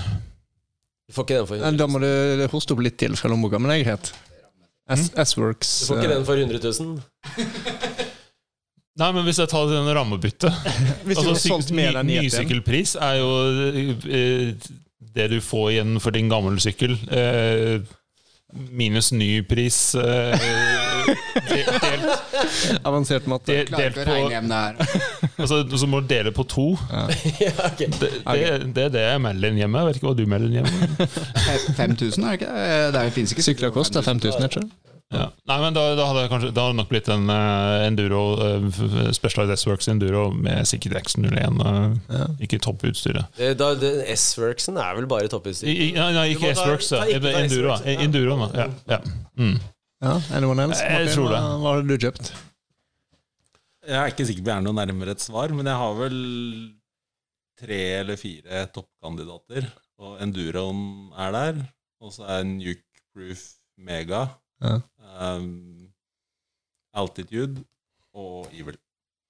Ja, du har allerede Jørgen, gått for noe Jeg har allerede gått for noe i en helt annen prisklasse. Men uh, hvis jeg skulle hatt en endurosykkel, da, så tror jeg egentlig det er Rocky Mountain Altitude eh, jeg hadde landa på. Oh, Jeg syns de nice. ser best ut og egentlig nå, av alle sykler, egentlig. Hva med deg, deg, Vidar? Det er et godt spørsmål. Altså, rett før jeg fikk Megatoweren, så var egentlig planen å kjøpe en, en Spindrift, Mm. som egentlig er ganske kul. Og den er ikke av, eh, av planen ennå, egentlig, heller. Men Da kan det hende du hadde hatt penger til overs også. Ja, da har nok litt penger til overs, faktisk. Eh, Men eh, faktisk eh, en som er veldig høyt på lista mi, er nye Trek Slash. Ja. Den tror jeg faktisk passer min kjørestil. kjørestil. og min, jeg leser testene, så leser jeg at den er liksom både litt leken og litt rask. Det, det er den kombinasjonen der jeg syns er veldig vanskelig å få til. det. Ja.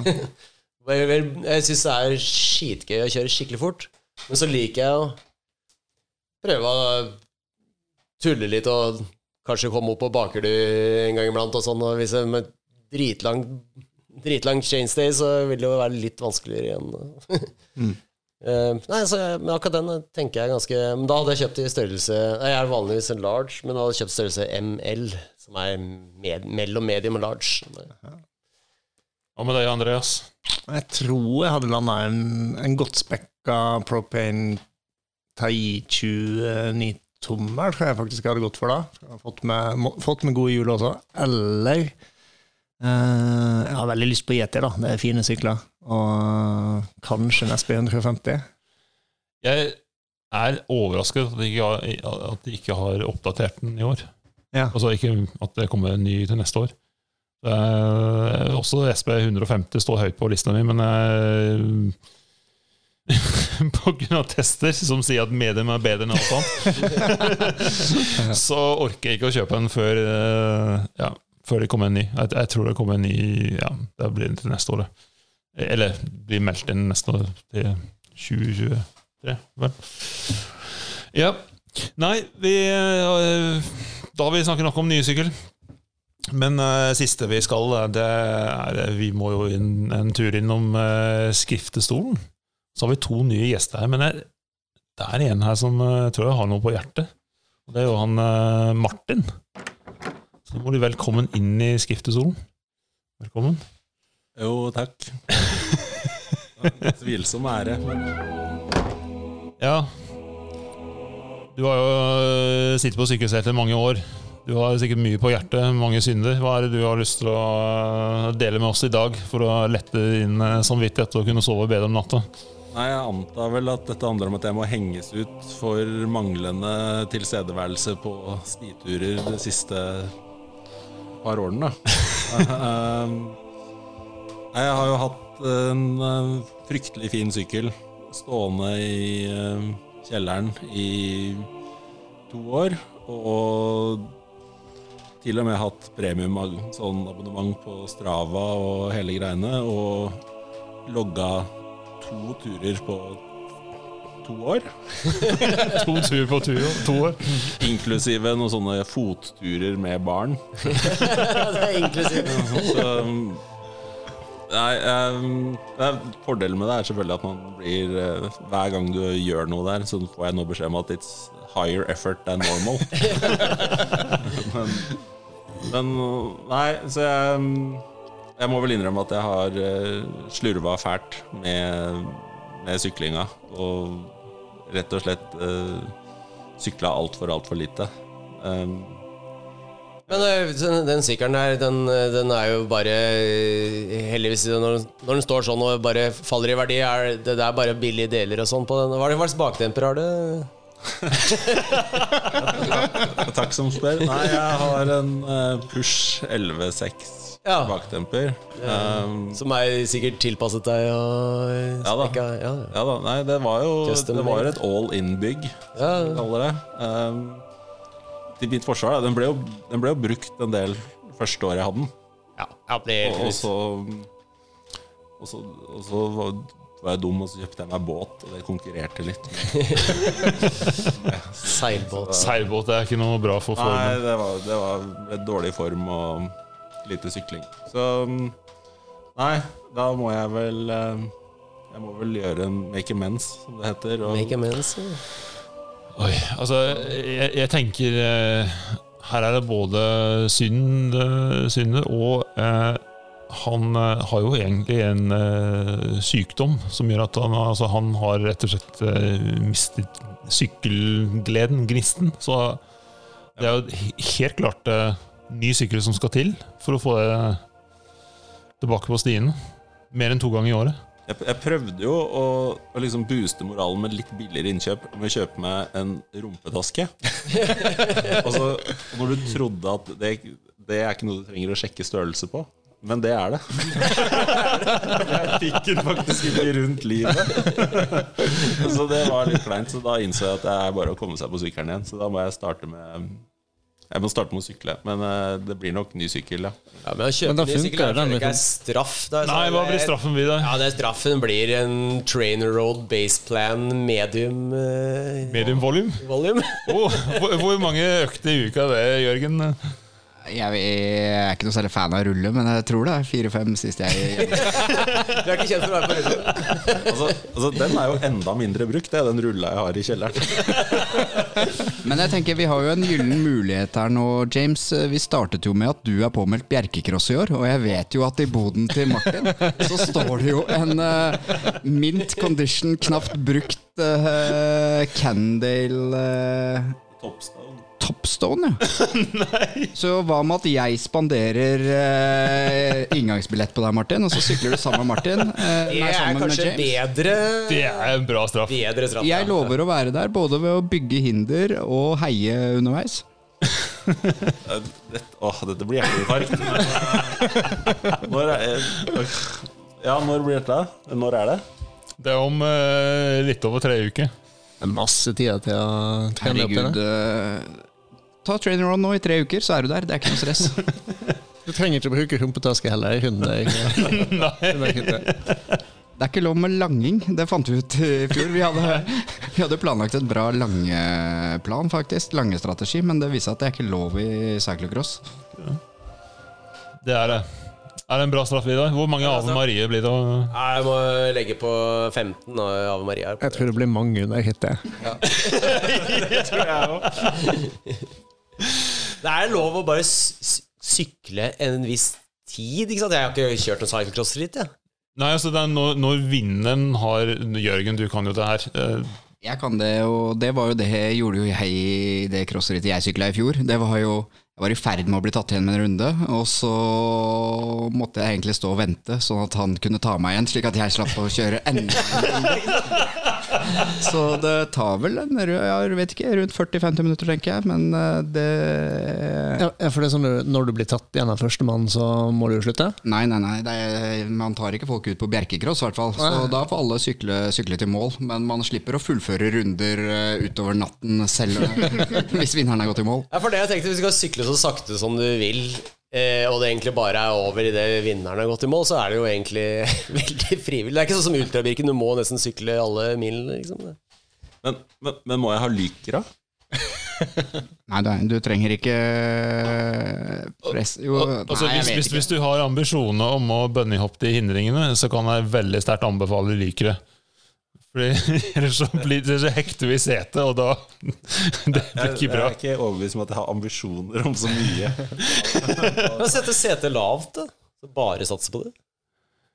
Nei, det, Kan, kan kjøpe dropper òg. Ja, jeg, jeg, jeg, er jeg, skjønner at Vidar har ikke syklet cyclocross. ja, men det er mange som selger droppere til cyclocross. Ja, så dropper, ja, men du setter ikke seta lavt. Du, du, du står ikke i 45-50 minutter. Ja, men Hvis du sykler hvilket som helst tempo som helst, kan du ta en og en halv runde. hvis han vil. Man kan ikke sykle hvilket som helst tempo som helst. Det er jo et ritt.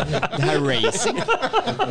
Skal, skal du bli Jeg spotta på og ledd av i en time der og stå og sparke grus? Du kan jo ikke det. Du må jo prøve å ta og knuse sidemann. Ja, Ja, det er jo mange måter å knuse folk. ja. Nei, Ja, Der er jo fordelen med en durkadag, folkens. Bedagelig opp, og så full fart ned igjen. Ikke sant? yes. Ok, nei, jeg tror vi avslutter her. Tusen takk for at dere lytter på. Husk å følge oss på Instagram. Takk til Martin, Jørgen, Andres, Vidar som var med. Takk til meg sjøl som stiller med utstyr. Takk til deg, James. Eh, eh, takk til Quarter Wolf som eh, stiller med musikken. Og så ses vi om forhåpentligvis ikke så altfor lenge. Vi snakkes, vi ses, vi gjøres. Ha det.